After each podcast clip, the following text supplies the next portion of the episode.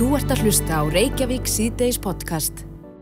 Jæja, Reykjavík C-Days, uh, gleðið tíðind á þann, íslenska liðið, það bara kom sá á Sigræði í legg gegn svartfellingum. Já, það var gaman að fylgjast með þessu. Þeir stóðu sér frábæra lega. Já, Sigræði með tíu marka mun, mm -hmm. uh, 24-34 eða 34-24, hvernig sem við lítum á það. En uh, Gaupi, okkar, Guðjón Guðmursson, er á línunni, sæl.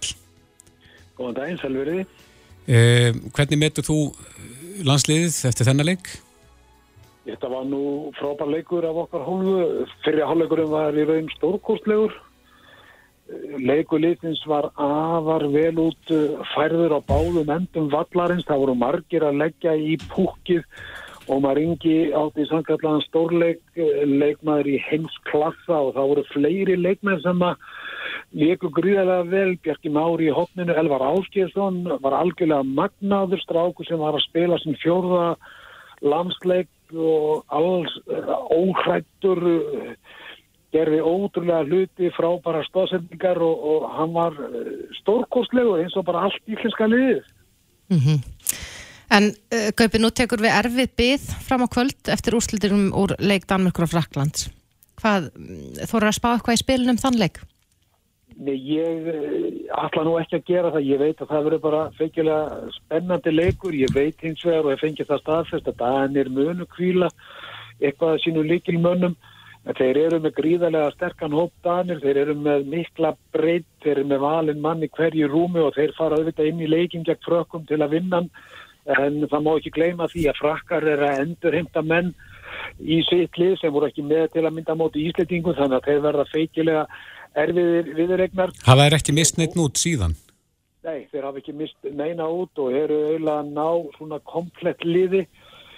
Þeir hafa ekki verið með í, í síðustu leikin þannig að þeir allast er sigur því að ef að frakkar vinna dani þá vinna þeir riðilinn um það snýst nú málið.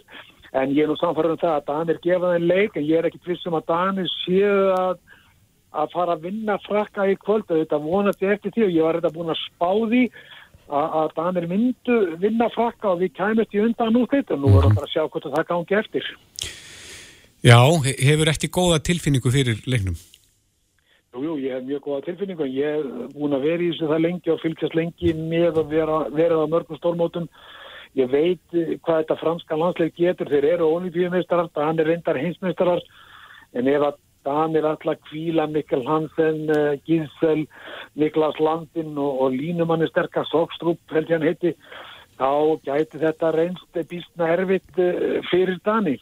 Já, uh, það verður erfið byggð eins og Þórti segir fram á kvöld og vantalega verða taugarna þandar hérna hjá okkur Íslendingum. Já, ég rekna nú með því, ég ætla nú að fara og gera nákvæmlega sama á Guðmundur Guðmundsson, ég ætla bara ekki að horfa á þann leik, ég ætla að kíkja á síman öðru kóru, en framöndan er eins og staðin núna, framöndan er leikur á móti Nóri á, á förstu dag um 15 sætið. Og kannski sorgartíðindi fyrir normenn, gleðitíðindi fyrir okkur, það er í það mista tveir leikmenn normannar sem voru að spila síðasta leik, þeir voru greindir með COVID í dag og verði ekki með gett nýttingum þannig að veiran, hún býtur fleiri heldur en okkur. Mm -hmm. En hún hefur farið mishörðum höndum um liðin hérna á þessu móti? Veiran farið sér? Jú, það móti stansvega að færa. Hún hefur gert það og við höfum farið sérstaklega ídla útrústu króatar, þjóðverjar. Það sem er kannski alvegilegt með leikin í dag að, að, að það var það að Aron Pálmarsson meittist eftir að hann hafa skorað fyrstu tvö mörgin Ég hef búin að fá upplýsingar um það að hann meitist á kalva, það, það er ekki sagt alvarlegt, en kalva meitli geta verið snúin og þetta er kannski fylgi fylgu þess að vera lokaðurinn á herbergi í svona langan tíma, strokkurinn er ekki alveg tilbúin í svona átök, en við skulum að rétt vona að hann verði búin að ná hilsu fyrir leikin á förstu dag, vonandi í undan og stundum, mm -hmm. en þá á móti Nóri um 15 sæti. Hvernig við endurheimtum fleiri menn, hvernig voru þeir að koma undan þessum veikindum í dag? Ég held að þeir sem að, e, voru búin að ná sér voru bara frískir, Bjarki Már átti stórleik. Þannig að það var ekki að sjá að, að hann hafi e, kvenkað sér mikið. Elvar Ört Jónsson var einnig frábær selfisingur upp tái sem leikur í Hískalandi mm -hmm. þeir voru bara sprækir og, og þetta ég er eins og allir vita þetta er náttúrulega bara flensuskýtur og, og fyrir fullt fríska menn að þá býtur þetta nú ekki mikið á þeim. Akkurat. En í kvöld, Gaupi, þá Danmörk þarf að vinna uh, þann leik til þess að við komumst Já, áfram. þeir, þeir verða að vinja, sko við erum komin áfram í spilum um fimmtasætið til þess að við komumst í undanúslit sem er í stórkostlegt, þá verða Danir að vinna fraka nú, þar þjóðin bara að leggjast á, á bæn og heita á ekkit- Svartakirkju og, og, og þar fram til guttum. Akkurat, er ekki þetta bara að byðla til þeirra í ykkur svona frændsemi að, að leggja sér fram við að vinna? Nei, ég held að Danir hugsi fyrst og síðast um sjálfan sig og ég skil vel Nikolaj Jakobsen, landislega Dana, að kvíla sína bestu menn ef hann getur það á móti frökkum vegna þess að framöndan er þá undan útlut hjá þeim og hugsa hann á úslit, þannig að það er bara ofur eðlilegt. Ef að við hefðum verið í þessari stöðu íslendingar þá hefðum við gert nákvæmlega sama og Danir. En heldur þú að Dani sé eitthvað að hugsa þetta nánar en, en menn halda kannski eh, að velja sér anstæðing til að taka með sér upp úr riðlinum? Er, er það eitthvað sem að erum menn komni svo langt í þessum pælingum? Nei, það er engin um það. Það velur sér engin anstæðing í svona keppni. Það er algjörlega klart mál. Sko, það gæti gæst ef það væri algjörlega augljóst að þeir myndi velja sér anstæðing. Þeir eru alls ekki að því núna þeir vita sem er. Það er bara framöndan erfiði leikir í undan útlutum keppnina. Það vita banir og til þess að þeir geti unnið keppnina eins og þeir ætluð að gera að spáðum allir sigri að þá viltu vera með sitt besta lið þegar að mest á reynir. Já. Guðjón Guðmundsson, við býðum bara spennt eftir þessum leiki í kvöld og þjóðin verðum alltaf límt við skjáin. Kæra þakki fyrir þetta kaupi. Já, Takk fyrir. takk, bleðis. Þú ert að hlusta á Reykjavík síðdeis podcast. Við höldum áfram hér í Reykjavík City og ætlum aðeins að snúa okkur að uh, málefnum S.A.A. Já. En í gær töluðum við, við Jótissi Skúladóttur, uh, þingkonu Vinstri Grætna. Þar sem að hún var ansi harðorð í garð samtakana og sagði að það var víða pottur brotin þar. Hún, uh, ég lísti því nú sjálf að- hún hafi orðið uh, fyrir áreitni eða ofbeldi af hálfu starfsmanns S.A.A. áður en hún fór sjálf síðan í meðferð á vegum uh, samtakana. En hún í raun og veru talaði líka mikið um það að, að hennar mati ætti þessi meðferðar hluti að bara reynilega heyra undir heilbreyðskerfið okkar. Þetta ætti ekki að vera uh, félagsamtök Nei, er akkurat, eins og er í dag. En uh, þessi umræða náttúrulega vakti heitar umræður meðal þessi símatími okkur í gær. Já, margir ósamála henni jóti sér þar. Já.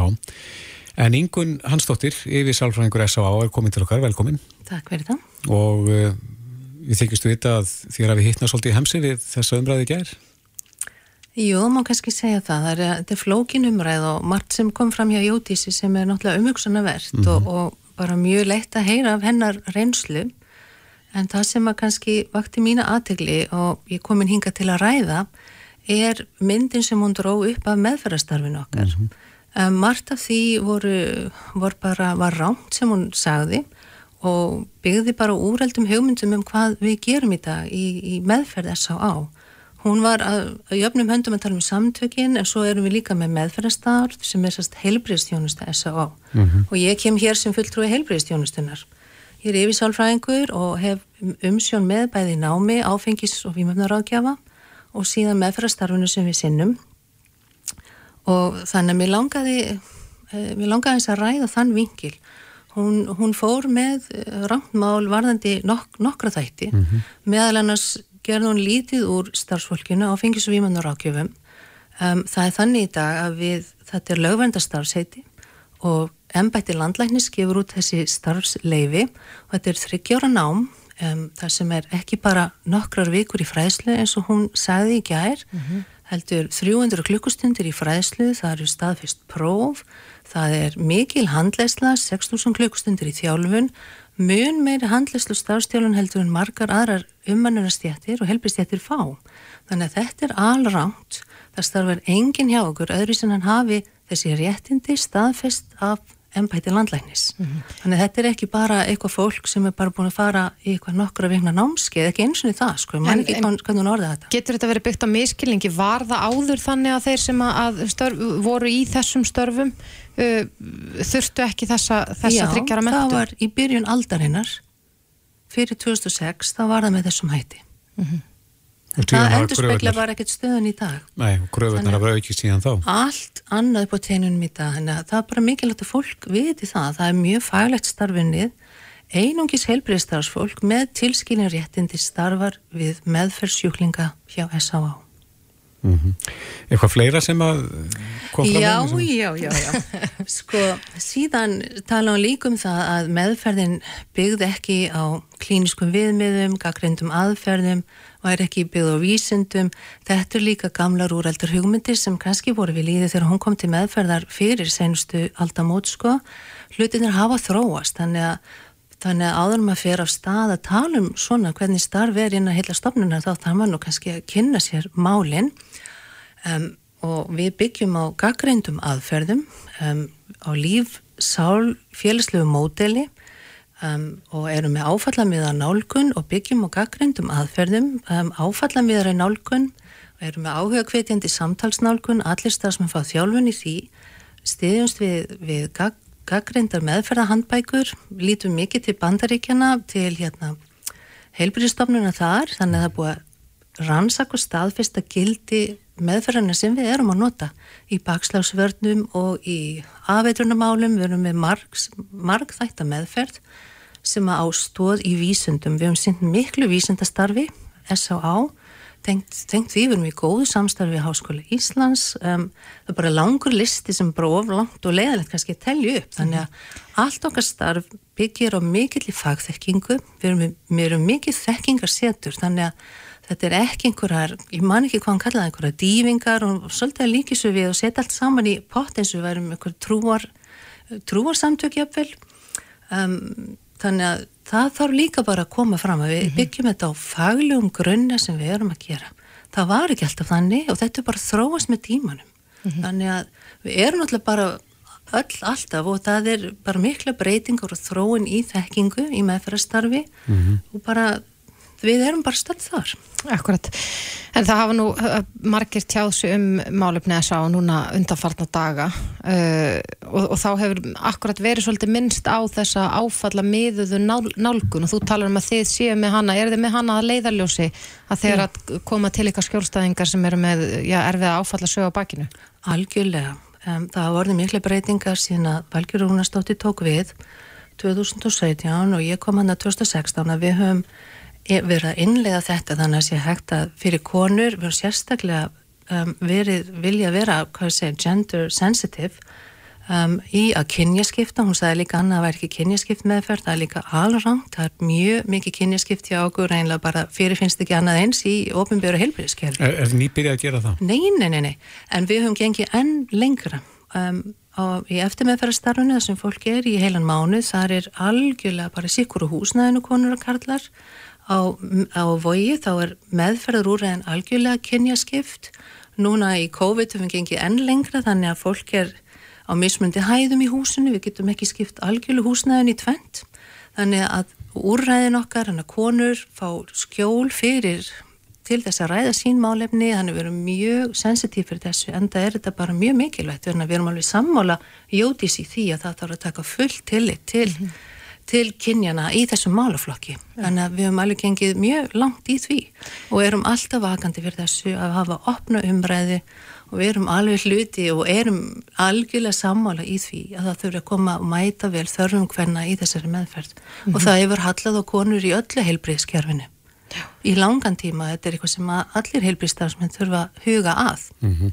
Það hafa auðvitað komið upp eins og núna komið upp þetta mál Einars Hermanssona sem hann hefur gerst uppis af því að, að kaupa væntistjónustu um, og, og þá auðvitað koma málefni hvenna uh, upp uh, í umræðinni og Já. margar konur hafa líst já, mögulega þá fyrir tíðum hvernig komar fram við þær á vegum að sá já. en uh, hvern, hvernig slæðir þessi umræða ykkur og, og þessi gaggrinni sem að hefur verið á samtökinn?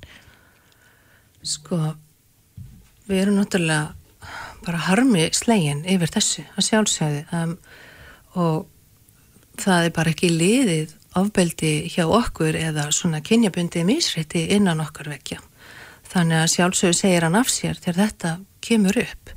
Hann er í stjórnsamtakana hann er ekki helbriðstarfsmáður ekki sinna sjúklingum að neinu leiti þannig að ég sem ég er á meðferðarsviðinu mm -hmm. hann kemur ekki að því.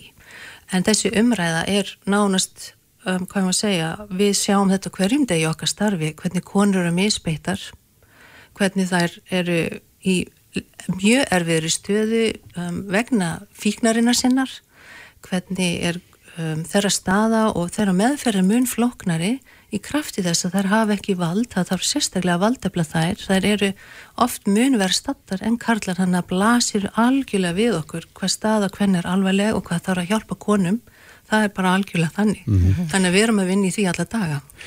Ef að Jóti sérði að óskrinni og ríki bara tæti þetta yfir, hvað myndi gerast að þín mati? Hva, hvernig sérðu fyrir þér framtíðina þá í, Já, sko, í meðferðamálum?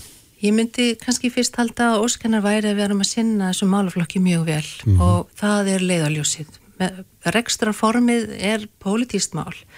Eins og staðanir í dag að þá, sko fyrsta sem að myndi blasa við er að málaflokkurinn myndi fá mun, minni þjónustu það er þetta sjálfsafla fyrir sem að bætir upp í og eigur þjónustu stíð um, S.A.A.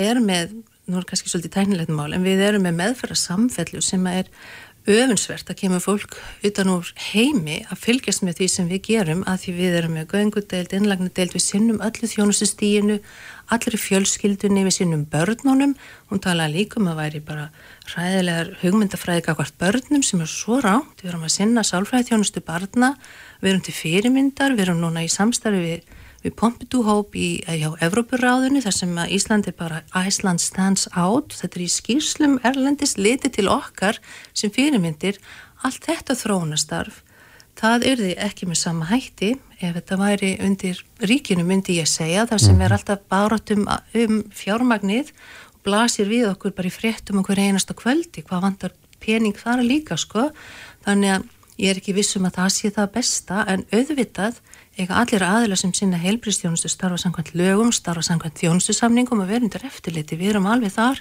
við starfum samkvæmt lögum um persónuvend og svo framvegist. Þannig ég er sammálan í því, öll heilbristjónustu sem við veitum þarf að vera af topp standard og við erum að fylgjast með hvert peningarnir skattborgarna mm. fara, þannig að hlutinni séu gerðir faglega og vel. Rétt aðeins í lokin, eh, endur komið hlutallið, þar að segja þeir sem að falla Já. og koma aftur í, í meðferð. Hvernig hefur það breyst eitthvað í gegnum tíðina? Þetta er svolítið flókin spurning kannski svara. Við hérna ég veit ekki hvort ég geti svarað í gegnum tíðina en almennt séð þá er alveg um helmingur sem koma sem koma bara einu sinni mm -hmm. og rúmlega 80% sem að koma innan við þrjusu sinnum. Og fíksjúkdóminn er langvinnu sjúkdómur sem að einkennist af bakslegum þú þarft oft að koma aftur aftur. Þetta er sjúkdómur sem tekur sig upp inn á milli Þannig að við lítum ekki á það sem slæmanlut í raun og vera og þú komir og, og njótir þjónustu oftar en einu sinni, mm -hmm. ekkert frekar en manneski sem er sík og síki þarf ofta að stilla af lifin sín og koma aftur eða manneski sem er hjartveik þarf að koma aftur og hitta hjartalegnin sin sko hlutinir geta farið svona á skjön en við reynum að veita að því jótísmyndist líka á byggðlistin að vera svo hræðilegir það, það er líka rétt að taka það fram að ungvennin okkar þau býða ekki, það er engin byggðlisti fyrir yngsta hópum, við erum með snemntæki ingripptis að veita viðkvæmstu hópunum bestu þjónustu. Mm -hmm. þeir sem eru að koma í fyrsta sinn þeir býða heldur ekki og þeir sem koma við um barnavendar býða ekki. Og viðkvæmustu alvarlegustu hópanir koma strax inn og þeir sem eru að spröyta výmöfnum í æð sem eru í lífsættu þannig að þetta er líka, þetta er ekki alltaf einfalt. Forgangsröðin, mm -hmm. algjörlega Já, Ingun Hansdóttir yfir Sálfræðingur S.A.A. Takk kærlega fyrir komin og útskýra þetta fyrir okkur. Já, takk fyrir mig.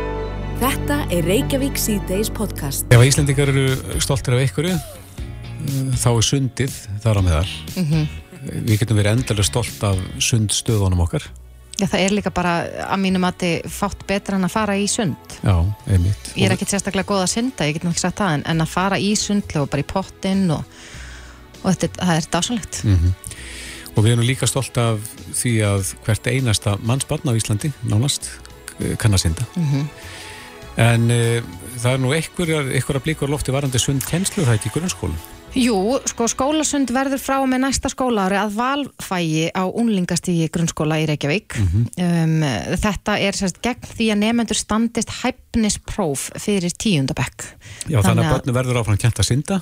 En uh, kröfunar minga þarna í, á efstu stígum. Já, mm -hmm. og uh, það byrstist nú greina vísi í gær þar sem að, uh, fjöldin allur af, af íþróttakennurum og sundkennurum skrifuðu þar undir og voru að tala um mikilvægi bara reyfingarinnar mm -hmm. að, að, að börn reyfi sig Einmitt. og þetta sé þetta liður í því, sundið í skólunum en þarna eru í raun þá verið að taka af tvö ár af, Mhm. af sundkennslu í skólum. Já, en af, af hvað forsendum vilja þér draga úr þessari kjenslu? Já, var, þetta var kynnt í skóla á frístundaráði Reykjavíkuborgar og samþygt þar og það var í raun og veru vegna um, vannlíðan nefnda í þessum aðstæðum sem að sko búningsklefin er. Já, að uh, þetta sé getur verið gróðrastíja fyrir allskins stríðni, einelti og fleira af þeim tóka og líka kannski varandi líkamsverðingu, líkamsýmynd, kynvitund, kynhægðun og fleira. já, En uh, já, við erum allavega forvitin að vita meira um sundið. Við vitum það að, að þetta er uh, mikil hefð, mikil sund hefð á Íslandi. En Íslendingar hafi ekki alltaf kunnað að synda. Nei. Jón Karl Helgason, eh, kvik, kvikmyndagerðamaður, hann er að leggja loka hönd á heimildamind um sund og eh, svona sundsögun á, á Íslandi. Kom til sætli Jón? Já, blessaðir. Já, komið þið sæl, komið þið sæl. Já, það- sko, með heimildamindir heitir Sundlega sögur. Sundlega sögur, einmitt. Ég er sko búin að ferðast um landið og, og hérna nokkru sinnum byrjaði á myndin 2014 og, og Íslandi er ansi marga sundlegar og þannig að Íslandingar fá tækifæri til þess að heimsækja sundlegarnar daldið mikið, af því að það er nú ekkert látt í það. Já, En ástæðan fyrir því að við, við reistum að sundlega var, var, var svo að það, menn voru að drukna daldið og frá 1880 til 1990 á 110 árum druknuðu 5.354 Íslandingar. þetta er svakaleg tala hjá ekki stærri þjóð.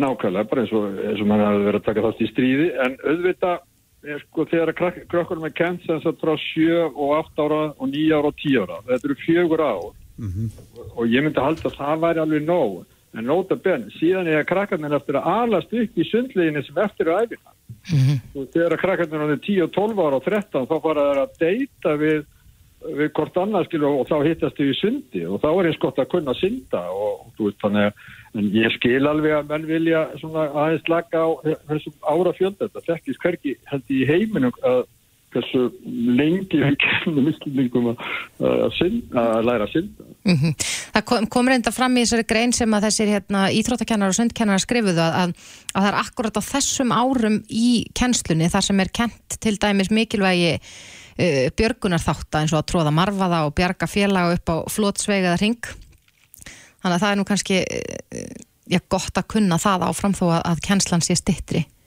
Jú, jú, sko í gamla dag voru sko sundprófin miklu, miklu erfiðari en, en, en týrkast í dag.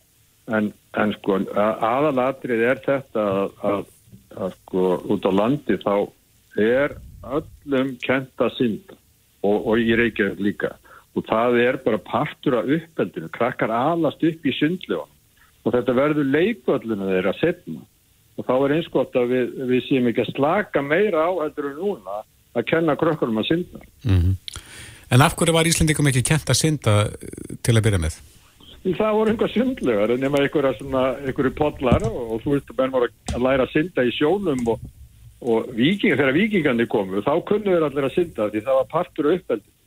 Svo bara, svo er stuttu eftir hérna 11. og 12. öld þá fór að kolna hjá okkur og fóröldunir hættu að kenna börnunum að synda og, og þú veist 1820 þá, þá segir sko Jónas Hallgrímsson sko hann segir í, í, í hérna, sundreglum sem hann gefur út fjölnismenn 1943 að 1820 hafi sex íslingar kunnið að synda. Þannig að 1843 þá eru kannski hann 12 þannig að það, það var það að fara að sko, reysa sundlegar og, og, og, og til að kenna fólki að synda því þeir druknuðu sko í kollum og, og þetta er sko þetta er bara nöðsynlegt að kenna okkur íslendingum að synda. Við búum við, við sjóin, við búum við ár og læki og, og þú veist og við sundlegarnir er leikvöldurinn okkar, ekki bara 7, 8, 9, 10, heldur bara alla æfi. á félagsmistuð. Já. En er það rétt að uh, menn voru treyið að kenna sjómennum að synda til að lengja ekki dauðastrýð? Var það ykkur... sko, Já, þeir sögðu sjóminnir að það myndi lengja kvölina við druknuna. Þannig að, að það var mjög erfitt að fá þá í sundkjæslu en, en sund sem sagt, uh, sem sagt, uh, sem sagt varð, það varð að kenna þeim að synda og til þess að fá þá í sundkjæslu þá fengur sundkennara uh, borgað ef það var eitt sjómaður í hóknum þá fengur við borgað fyrir alla. En ef það var engi sjómaður í hóknum þá fengur sundkennara ekki að borga, þannig að þeir voru aldrei duglegir að draga þá í sundkjenslu. Já, skiljanlega. Skiljanlega, já, já. En uh, hvenna verður myndin tilbúin? Myndin er bara tilbúin uh, svona í, í, um páskana, skilu, mm -hmm. í april og, og þá, þá er svona svona og þannig er fjallað um, um, um ansi marga sundla ég fór held ég fjóru-fimm ringi í ringin í kringu landi til þess að hitta fólk mm -hmm. og af því að ég er búin að vera svo lengi að myndinu þá eru ansi margi fallin frá að ég, ég ákvaði í byrjun að, að tala bara við fullorði fólk sem hafði haf eitthvað að segja sko. þannig að meðalaldur í myndinu er 85-95 eitthvað svo leiðs mm -hmm. en það er það nokkri fallin frá þannig að myndin verður í, svona, í minningu þeirra daldið. Akkurat. En uh, Jón Karl, hvað var það sem kvekti svona áhuga þinn á þessu? Hvers vegna ákvæmst að fara í það að, að gera heimildamind um, um uh, sundlega sögur? Ég nálst upp, ég var sko fimm ára þegar Vesturbæla í Náttúr. Það var leikvöldur minn og svo fór ég með föður mínum uh, næstu 20 árin á hverjum degi sund. Og svo gerði ég sundmyndina sem mynd sem hitt sundi þar sem kallaði um strákarnir sem var römbast í ermasundið og, og fór að kynna mér sundkjænsluna í gegnum, gegnum árin og alveg frá upphafi og þá kynntist ég fólki sem var duglegt að stunda sund á hverjum degi og, og langaði svo bara að sína sagt, Íslandingum hvað er að gerast í sundlaugum á Íslandi veist, það er ótrúlega hluti sem að gerast í sundlaugum mm -hmm. það er margi merki hlutir. Heldur þú, Jón, að fólk sem að stunda sundlöðna sé hraustara heldur en annað fólk? Það er alveg, bara, það er bara, það er ekki að ræða það meira. Þú ert, þú ert úti, þú ert úti og þú ert, þú reyfirinn, mjög góð reyfing og það var nú einhver grein að byrtast í einhverjum blöðum daginn að þetta, e, það, er, það er engin íþróttins fullkomin til þess að, að hérna að, að, að við eldumst betur og lengur.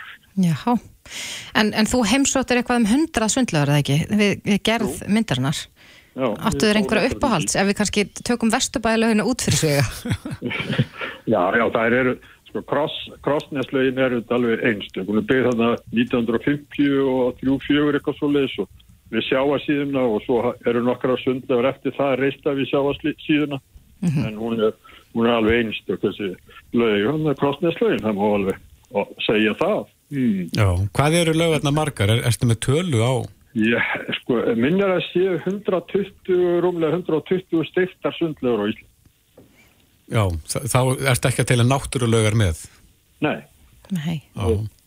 Þannig að ég held að þetta sé þannig að, að það, já, eitthvað 120, 127, eitthvað svolítið. Er það einstæmi hjá ekki stærri þjóð? Ég held að hverki heiminn, sko, sko frakkarnir fara á, út á torkin og fá sér rauðín og brettarnir fara á, á pöppin og fá sér brenni, uh, bjór og, og rúslandir drekka vodka en við förum í sund. Já. Það er rétt. Enda var það nú frækt og ég held að þú hafi nú verið viðmæland er það ekki hjá BBC á sín tíma þegar að sundlegarnar opnuð aftur eftir já, svona COVID-lokanir að, að það fyrsta sem að margir gerði var að henda sér í sund en ekki á barinn. Jú, jú, líka þegar Íslandingar komið upp til Íslands að fyrsta sem gera það fá sér pulsu og svo í sund eða öfugt. Eða öfugt, já, akkurat. Akkurat. Já, þetta er djúft í þjóðasálinni, það, það er ljóst. Já, já, við meðum ekki tína þessu. Þetta er, sko, þetta er verið gaman að heyra sögur af því að fólk er að kynnast í sundlögunum, uh, unga, ungir sem aldnir og, og ég meina þetta er bara, þetta er bara, hérna, leikvöldurinn okkar, þetta er bara félagsmyndstum okkar og svo getur við haldið áfram að að, að telja sko. það er ekki staður eins jákvæður og, og hérna helsu hérna gefandi eins og sundlegar á Íslandi Já. Tökum við það, Jón Karl Helgason kveikmyndagerðanaður, gaman að heyri þér kæra þakki fyrir spjallið Já, sumulegis Reykjavík síðdeis á Bilginni podcast. Þetta er gotum. Já, þúsundi skólabarna Já. sem að eh, koma aftur í skólan. Ég held að það verið 6.900 börn eitthvað sem að, að sluppu á morða þannig. Frelsinu fegin. Já, eflaust. En uh, í dag var þrýegið okkar með upplýsingafund eins og svo oft áður og þá barst talið að eh, já, hjarðónami mm -hmm. og við erum svo sem búin að tala um hjarðónami og svona velta vöngum yfir því núna í tvö ár en uh, Þórólfur Guðnarsson sóttvartanlæknir sagði að það væri ekki hægt að svara þessu með vissu en að með uh, þessum útbreyttu smitum í samfélaginu sem við erum að sjá núna þá stittist í að við fyrir að sjá fyrir endan á þessu Já. og að hjarð ónæmi gæti já þetta takja svona kannski tvo mánuði Mm. Já, þessi könnun Kára og félaga síndi að um 20% þjóðarinnar eru búin að ná sér í þetta. Ópenbæra tölur sína 10% þannig að það Eitthvað er helmikið fleiri sem að hafa fengið þetta viti ekki að því. mm En þýðir þetta þá að, að já, bara 50% af þjóðinni muni smitast af COVID á næstu tveimur mánuðum? Já, spurning hvað það þýðir ef að við missum svona mikið fjölda í einangrun. Akkurat. Á línunni hjá okkur í dag er Björn Ingi Rapsson, rittstjóri Viljans, kom til sæl. Komið sæl. Þannig alltaf gaman að heyri þér, Björn Ingi, og velta eins vengum yfir ástandinu og þegar það eru svona uh, stórar breytingar eiga sér stað. Uh, erst þú búin að rýna í þetta og, og uh, já, er, er þetta rétt að það muni 20% af þjóðarinnar þurfa að smitast á næstu mánuðum svo við náum þessu hjarð ónami?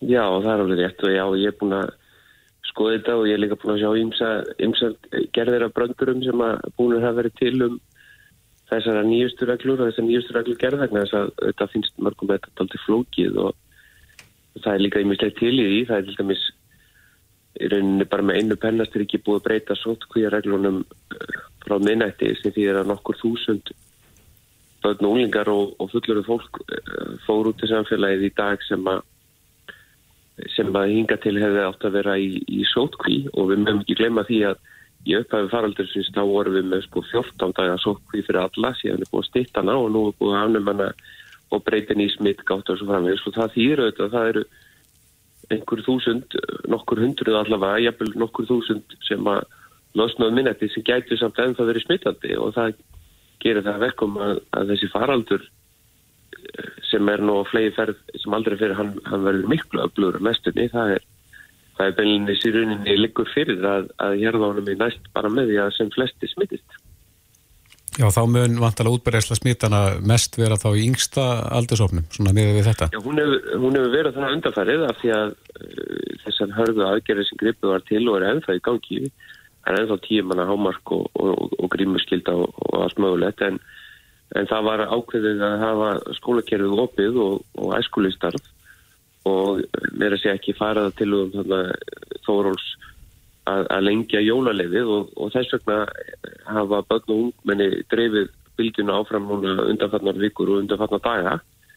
En uh, það munu allir lenda í þessu núna vegna þessum leið og fullska fólki komið á stað út í samfélagi sem fyrir nokkrum dögum hefði verið í sótkví að þá bara blasir við að smittum munu fjölga vegna þess að, þess að tölur sem við hefum séð undarfarið sína að það er kannski 40-50% af þeim sem að greinast að hverjum degi sem eru í sótkví Mm -hmm. þannig að þá getum við bara í rauninni séð þetta sjálf að þetta mun gerast. Ástæðan fyrir því að það er verið að gera þetta er það að nú er bara verið að skilgreina omikrona afbreyðum öðrum hætti að það sé líkara ástæðmyndni influensu, kannski svæðsynni tegundi á influensu og hérna þar sem að innlagna hlutall á spítala er kannski 0,2% og það er þess vegna sem þarf einfallega að tækla þetta öðruvísi en áður. Það er ekki jafn mikið um alvarlega veikindi. Þeir sem að þurfa að leggjast þannig spítala eru stittra. Og það bendir til þess að omikron afbreyði leggjast ekki í lungun heldur sér ofar í öndun á færum fólks. Þess vegna smitist það meira. Mhm. og, og eina leiðin fyrir okkur til þess að komast út úr þessu ástandi og þetta hægt að ganga um allt er að sem flestir fá þetta. Þetta hljómar þetta fáránlega en þetta er akkurat það sem hjarð ónami gengur út á Akkurat, en, en nú hefur náttúrulega reglum um einangrun ekki verið breytt nema að fyrir skömmu uh, varðastittnir í sjö daga í stað tíu en, en liggur þá ekki augum uppi ef að töyjur þúsunda munu smitast á næstu dögum og vikum að, já, til dæmis bara að atvinnulífið verði nokkuð lamað? Jú, enda, enda hérna eh, hafa ímsar aðra þjóðir verið að tala um að það þurfa að endur skoða einangrunum dæmið og einhver, einhverjur hafa gert það vegna þess að það blasir við um leiðu og, og þessi gríðalegu fjöldi fólk sem er veikjast á næstu vikum hér á landi hvort sem að fólk verður enginalust eða ekki eða þá er það sett í einangrun. Og atvinnlífið mun lamast skólakerfið mun lamast. En þá eru þó jafnvel þó okkur finnist fara mikið fyrir þessu og, og því tvö og margir aðri séu búin að fá þetta þá er ennþá meira hluti þjóðarinnar eftir að fá þetta. Og það þýðir að, að það mun gerast og, og hver einasti sem fer í einangrun er þá ekki gera neitt annað á meðan og ef hann er tilheri fjölskyldu þá er öll fjölskyldan komin í sótkví. Ef það er utan heimilist þá er það bara smittgátt sem þýðir að það er algjörlega ljóst að næstu vikur hér á landi verða svona hálf surrealískar ef, að- ef að þessar reglur verða óbreyttar þess að við verum bara meira menna flest úr leik. Og Já. við heyrðum þá upplýsingafundunum að við erum varum að lýsa áhugjum að því að svona samfélagslega mikilvægir innviður og, og rekstur og ymsum stofnunum og öðrum gæti lent í vandræðum vegna þess að það mun bara vanta fólk það blasir við Einmitt. En það er búist við því að við munum uh, sigla út úr þessu þá mun fyrr. Já, og, og sem betur fer, það, það, það, er, það er alltaf leiðileg svona stjarna neðanmáls í þeirri fulleringu.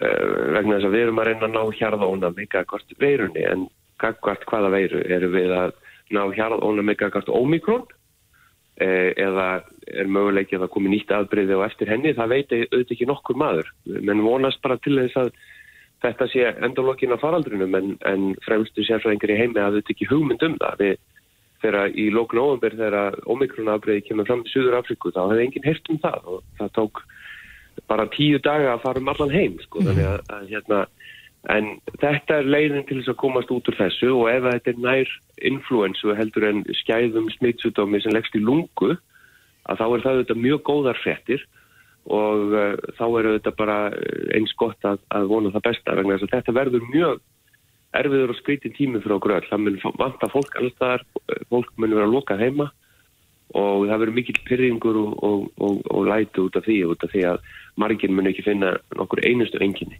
Nei. En það er náttúrulega mikið rætt um þetta svona manna á meðal og, og eitt af því sem að ég hef tekið eftir og mikið rætt í kringum mig og okkur, það er uh, að fólk er hissa á því að, að sömur geta verið sko innan heimilis í eitthvað tíma með smitt en aðrir bara virðast ekki geta smittast. Nei, nei, og, og, og þetta fræði dæmið það sem að, að, að, að hjónum og fjölskyldum það sem að kannski annar makinn smittast og jæfnvel veikist ítla hinn fær ekki eins og smitt. Þráttur í mikla nánt? Já, og svo, svo í gríni er vinahópurinn að, að spyrja hvort það sé ekki öruglega nátt í, í sambandinu og, og þess að þú veist, þetta er ólengjönda tól og það er greinlegt að hún næri ekki til allra og hérna og hún virðist finna sér leið til þeirra sem viðkvæmur eru fyrir og hérna en, en það er alveg klárt að, að vísindamenn eiga eftir að finna alveg út úr það hvaða er sem ræður því að sumir virðast bara ekki fá þetta. Jafnvel þó þess hafi verið mjög útsettir fyrir smittum og tilheri fjölskyldum sem hafi mér með öll fengið þetta og svona. Það er, það er, það er bara mjög verðugt rannsóknarefn og mjög interessant. Mm -hmm. En uh, nú er búið að, að já, tala um það á förstu daginn eftir ríkistjórnafund munum við fá að vita af þessari aflettingar áallun mm. við hverju býst þú? Heldur þetta verið gert í hægum skrefum eins og já, maður svona skinnjar að, að Þórólfur vilji? Jú, ég, ég held að það verði farin svona einhver, einhver, einhver slík leið en ég held líka ríkistjórnin vilji fara hraðar í sækirnar og ég skil það vel það er, það er umfallega fréttir nú Danir til dæmis er að tilkynna eftir um vera að minna uh, algjörur afleitingar það má breytar hafa gert úr margar aðra þjóðir Eru þeir ekki komni lengur en við? Í... Jú, þeir eru kannski 2-3 vikum á undan okkur og það er að það sem ég ætlaði að fara að segja það skiptir máli og ég held að það sé mjög mikilvægt að það komi fram afleitingar á allum sem gefur þá fólki til kynna hversi að vænta og Þórólur er alltaf með það til líðar að verja heilbyrðiskerfið okkar og ekki síst út af því að mjög margi starfsmenn verða úr leik heima hjá sér í einangrun mm -hmm. og eru þá ekki að vinna á spítalan á sama tíma. Nema þetta þau fari líka í það að breyta einfallega líka reglum um einangrun þannig að þeir sem eru enginn að lausir fara ekkit í einangrun. Það er stort skref. Margir munu verða mjög hrættir við það. En á einhvern tímanbúndi getur líka verið að, að yfirvöld neti það svo að það séu svo ofbóðslega margir með virk smitt í gangi að það sé einfallega ekki að þetta dæma 20.000 í einakona sama tíma. Þjóðvelegi virkið þá ekki. Akkurat. Já, það verður mjög áhugavert að fylgjast með fregnum á förstu daginn og sjá hvernig næsta, næstu vikur verða.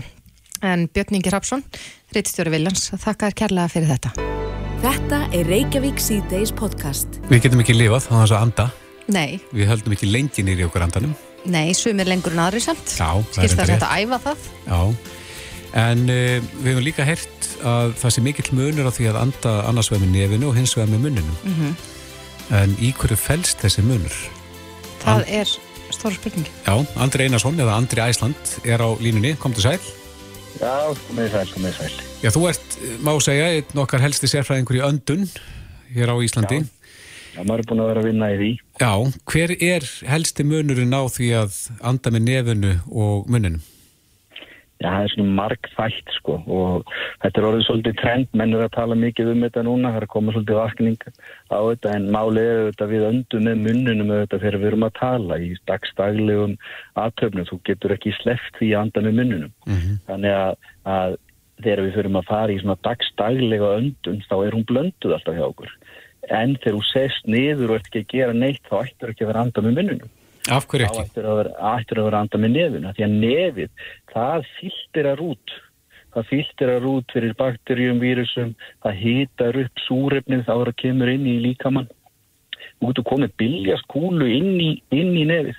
Býti nitrooxide sem hjálpar til næðakerfið fullt af alls konar benefitum bara nefunduninn munnunduninn okkar það gerist bara automatist en hún gerir ekki neitt. Í skildam með svo er út að hlaupa þú myndir vera hlaupa móður eins og hundur, þú veist hérna bara þá veist að tapa út átt í 40% meiri raka miklu þistari þannig að það er svona, þetta fer eftir í hvaða munstrum þetta leita af Þú. Eins og hrjót, hrjóta á nóttinni og annað, þá erum við með plástra sem við setjum á fólk yfir munnin sem að getur samt andað í gegnum bara til að koma neðun aftur í gang. Öndun er raun og veru lífstíl bara og það verður eftir bara hvað áreitt og annað er búið að vera á hjá þér. En- og öndun breytist eftir, eftir hvað er í gangi hverju sinni. Og þegar maður, maður er að greina fólk með öndun þá er algjörlega mísjönd hvernig nú prógrum maður setur þau í. Það er ekki allir sem fara í sama hattin en að anda með nefinu dagstæli ætti að vera okkar öndun nefi er hannað til að anda, munnurinn er hannað til að borða Akkurat. En Andri, hefur þetta breyst? Hefur verið þróun í það átt að vera meira að anda með munninum núna en, en í raun og veru bara mannkynnið gerði hér á árum áður? Já, það er rosalega skemmtileg bók sem ég mæli með öllum að, að lesa, heitir Andadrátturinn, eða Breath, eftir James Nestor. Hann tekur hérna tíu ára rannsóknarvinnu og, og fer í gegnum bara þróun á hvað er búið að gerast með, í mannslíkamónu og hvernig öndunum okkar og fleiri búið að breytast. Og hann er með mikla áherslu mynd að sína fram á nefunduna versus munnöndununa. Og þetta er rosalega áhugavert, bara þetta skakka tennur og alls konar hluti. Þetta er rosalega fræði í kringum þetta. En þetta er svo ég segja aftur, þetta er algjörlega einstaklega spundið hvernig við erum. Af því að til dæmis núna er ég bara að anda með mununum eiginlega, er ég að tala við ykkur. Mm Og það er ekkit að því, fattur En- en hvar förum við út á sporin? Já, en hvar förum við út á spórinu? Hvenar byrjum við, ég, ég þykist vita það að, að við byrjum sem börn á því að anda meira með nefinu, en, en hvar breytist þetta? Já, bara sem dæmi sko, þú veist, ef, ef börn, þú tekur þau snemma brjósti, þú veist, að ert með lengja brjósti eins og var hérna áður fyrr, þá erum við að þrönga og koma undur í nefinu gegn. Og meiri sagði við sko um ættborka hérna þúsundur ára aftur í tíman þar var talað um það að anda með munnun væri aðeins slæma. Og þegar konur tóku börn að brjósti þá lokuðu þau munnunum til þess að koma nefinu aftur í gang. Þetta getur skipt máli hvernig tennurnar okkar þróskast hvernig við erum að tyggja matin okkar. Þetta tengist allt saman. Þannig að maður fyrir að skoða bara bara svona basic dagstæglega öndun þá er hún bara, þetta er bara þróun bara þetta hefur breyst og er ég er að vinna með fólki þá byrja ég alltaf bara að fylgjast með hvernig þau eru að þóla koldvísring hvað er að gera, skýra ákveðin test á þeim. Og, en þetta er ekki svona að þú mátt ekki anda með veist, eða dettin í þágrifi, við viljum það ekki því að við öndum alls konar en yfir höfuð ættum við að anda meira með nefun en munnunum en 90% af fólki myndi ég segja spáir ekkit í þessu. Það hefur ekki hugmynd um hvernig það andar. Það veit ekki eins og hvernig börni sín andar. Það það er algjörlega bara einhvern veginn farið algjörlega framhjá. Öndun er auðvitað bara beintenging inn á tögakerfið okkar. Og bara, við sjáum það bara. Ef við fáið slæm tíðindi, hvað er að fyrsta sem breytist? Það er þetta öndunum ykkar. Já, Og hún eru grunn og stutt. Hvað gerist þegar þið fáið góð tíðindi? Öndunum breytist aftur. Hún að vera í slæmi tíðandunum. Kannski grunnur í öndun. Allt þetta skiptir máli hvort sé grunnöndun eða djúböndun, hvort sem sé með andun í magan, hvort að tindina. og svo eru öndun og æfingar sem þetta gera eins og ég lærði Vim og þjálfari, ég lærði Rokkstund Vendif þjálfari og Bútek og þetta er allt mismöndi aðferðir hvernig við getum þjálfa fólk, það er upp í íþróttarmenn og bara venjulegu fólki og fólki með öndunavandam og fólki með asma kæfisvepp og við vinnum þetta svona hægt og rólega og það þarf að greina bara mm -hmm. En þetta er rosalega áhugaverst, þetta er rosalega mikil fræði. Já, ég heyri það. greinilega margt sem þarf að huga þarna. En, en já, þú talaður eins og mér náðan eins og þegar maður er að stunda hreyfingu að, að mm. maður er að anda með nefnu að reyna það. Uh, er eitthvað með sko súrefnis upptöku tekum maður betur upp súrefni með nefnu heldur en, ef maður andar í gegnum munin Við erum að sko, fyrsta lagi er það því að þegar þú andar með nefnu þá erum við að hýta upp súrefni ára kemur inn við erum að koma kerfunni á þann stað að, að, að, að verði betri upptaka á, á súrifnisflæði yfir höfuð. Er, þetta, þetta er lítrafjöldi í lungonum, hversu mikið við erum að anda inn, þetta, þetta er alls konar. Þetta er rosalega áhugavert og maður þarf að segja, við greinum þetta alltaf bara nýður eftir viðkomandi aðila í hvernig, hvað, hvað er í gangi. Mm -hmm. Til dæmis að vinn á það fyrir fræðin við erum búin að sína fram á það að hún er að búa til meiri súrefnis upptöku en sjáu ég þetta, veist, við tölum um súrefnis upptöku í blóðinu. Það er nóg súrefnis upptöka eða nóg súrefni í öllum nóg súrefni hérna í blóðinu hjá okkur flest öllum hérna, við búum við sjóun við erum örgulega með 95-99 súrefnis mettun það segir það í raun og veru ekki neitt. Af því að súrefnis mettunin er 95-99 eins og allir eru með þá því að það er nóg súrefni í blóðinu en okkur eru við þá mistreitt þegar súrefnir okkar kisti orkugjafi í allt sem við þurfum fyrir þess að hús eða miljónir eða trilljónir frunna sem er í líkamán af því að það er flutningslegin og súrefni sem gleynist alltaf að tala um sem er hemoglóbini og ef þú ert að anda grunt og stutt sem er bara því að það er streyta hjá þér, þú ert ofugsa og gleynir í tölvun það gerir eitthvað, hvað gerist á? Jú, þá er ekki jafnvæg mm. af því að kóltvísingur og súrefni skiptist neðst í lungunum frá grein 14 til 24 og ef það er ekki jafnvæg og önduðninu röng þá er flutningslegin á súrefni inn í kerfinu sem er hemoglómin þá heldur það í súrefnið. Og eins og strætáðum myndi keira fram hjá þessari og þessari stoppustuð það er svo myndir líta á eins og ég lýsa alltaf bara hvernig grunnöndun virka fyrir kerfin okkar. Að þetta er eins og öppin í símanvinum og þú myndir þurfa að hlaða hvert einast app. Það er grunnöndun Þú veist, þú verður 70% á Facebook og 15% á WhatsApp og 100% eitthvað annar staðar. Það er grunnöndum. Já. Það er, er jafnvæg. Akkurat, það er greinlega að mjög mörg að huga og ég get eiginlega lofað uh, ykkur því að uh, já, það eru mjög margir sem er hlustu þetta núna sem að eru að, að huga að öndunni. Er það eitthvað sem maður ætti meira að gera? Að, að sko fylgjast með því hvernig maður er að anda? Já, hvort að maður sé að anda of mikið með nefunni eða of grund og, og svona að spá aðeins í þetta? Að, að sjálfsveginn án þess að vera flækit og mikið. Og, og hérna og það er til dæmis bara eitt ráð sem ég get gefið öllum sem er auðvitað bara súperkrafturinn okkar sem við ættum öll að gera. Og það er það að, að leifa sér að dæsa. Það er, það er nefnilega þetta, þetta, þetta tengir speintin á parasympatíska tögakerfu okkar. Og ef við öndum djúft og í magan bara rólega inn bara tökum svona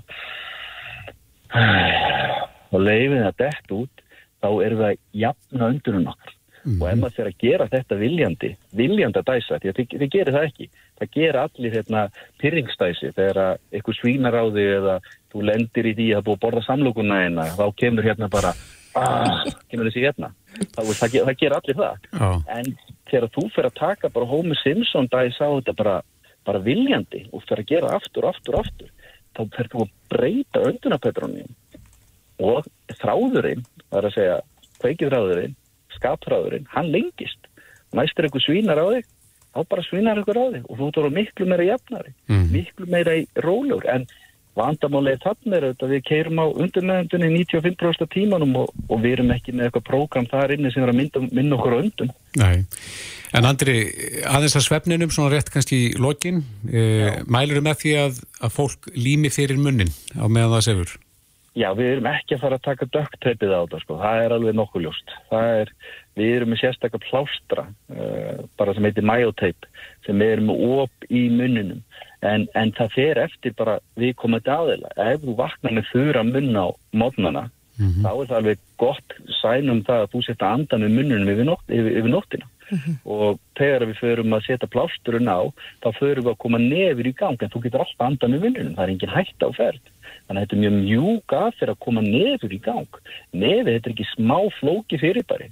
Við erum bara, svona, bara rétt svo yfirborðin að tala um þetta hérna núna.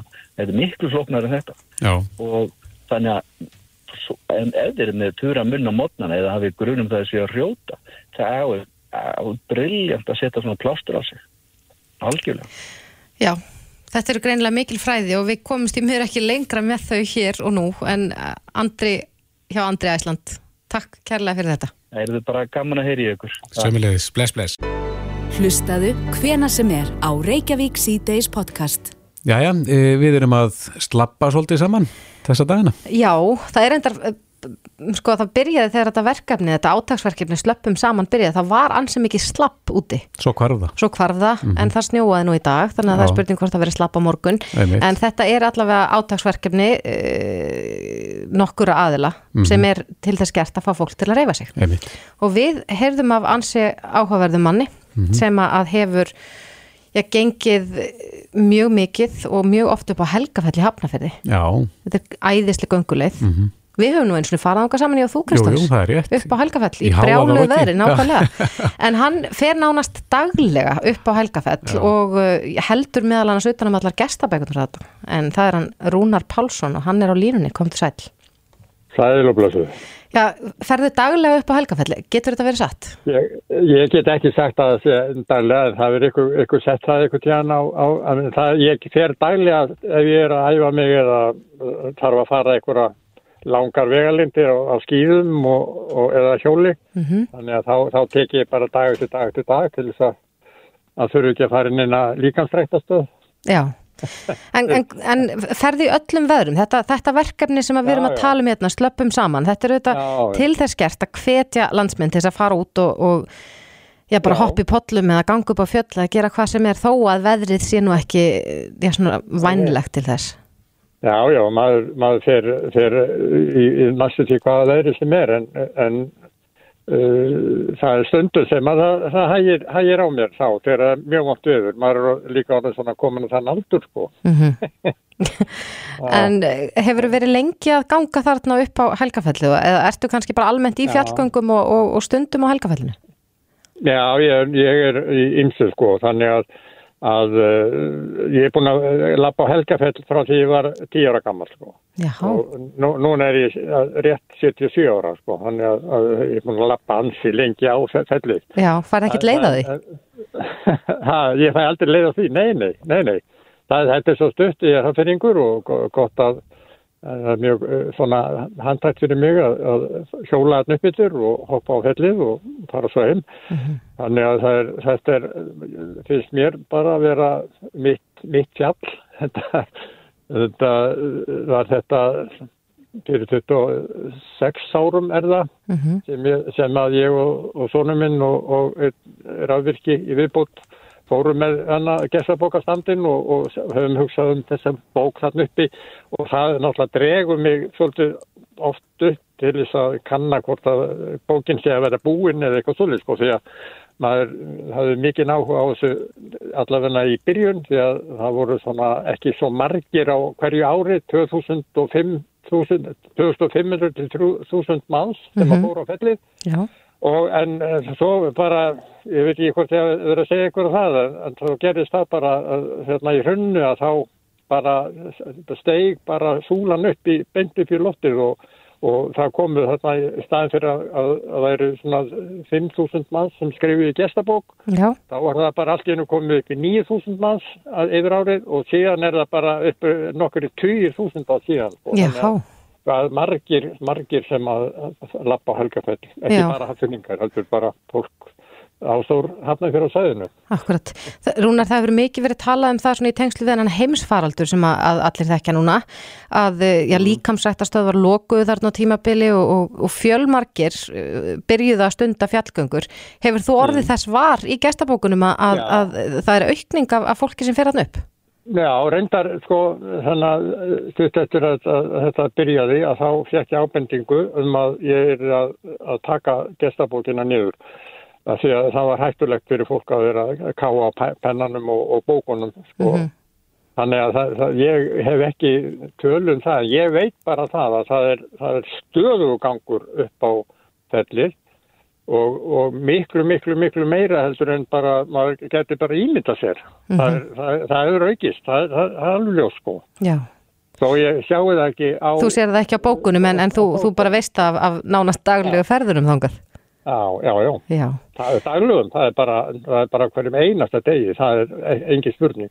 Akkurat. Og það, fólk notar þetta fell bara til það þegar það hefur sig og, og með argil lappi kringuna og, og, og hérna ekki endilega upp á það og þannig að þetta er bara fílíkur unnað staður þarna. Já, en Rúnar, þú ert nú svo sannarlega kvartning fyrir aðra, þú lætur sko hvorki aldurni veður stoppa þig og ferð út og reyfir þig. Jú, jú, jú, jú. Og við hvetjum alla til þess að bara að, að vera eins og þú. Já, það er, það er alveg, alveg rétt. Ég, hérna, ég get sagt að ég, ég með þessari hrefingu minni þá hef ég, ég nú mjög liðlugur að fara í líkansræktastöðvar. Þetta er mín líkansrækt mm -hmm. og, og hérna ég get alveg tekið undir það að það er hægt að gera, gera sagt, líkamunum gott með því að fara á helgafell. Já. og helst, helst á hvernig degi ég veit að bara fólk er, er að þeir sem er að fara í, í kannski erfiðar hlaupa ferðir eins og dætur mín og það fara til Sviss að hlaupa 100 km á hlutis og það er nota helgafættu til að fara upp og niður og fram og tilbaka Já, og þetta er go gott æfingasvæði. Hvernig, hvernig sem maður lítur á það. Já, akkurat. Glæsilegt, Rúnar Pálsson uh, þakka þér kærlega fyrir þetta og gangið er vel. Allt í lagi. Bless, bless. bless. Já, þetta er ótrúlegt. Mm -hmm. og uh, maður, á þessi, maður á þessum aldri uh, getur þetta þá geta nú ansið margir þetta sem að kannski telja sér trúum að geta það ekki. Já, og þetta er hægt í öllum veðrum. Við bara hvetjum landsmenn til þess að fara út og slappa smá. Já, akkurat, ekki spurning, en við erum að koma í mark núna, ætlum að stifta yfir á hréttastofun eftir skamma stund. Við verum hér áttur á ferðin á morgun klukkan fjögur, Þórdís, Pétur og Kristófur. Verið sæl. Reykjavík síðdeis á Bilginni podcast.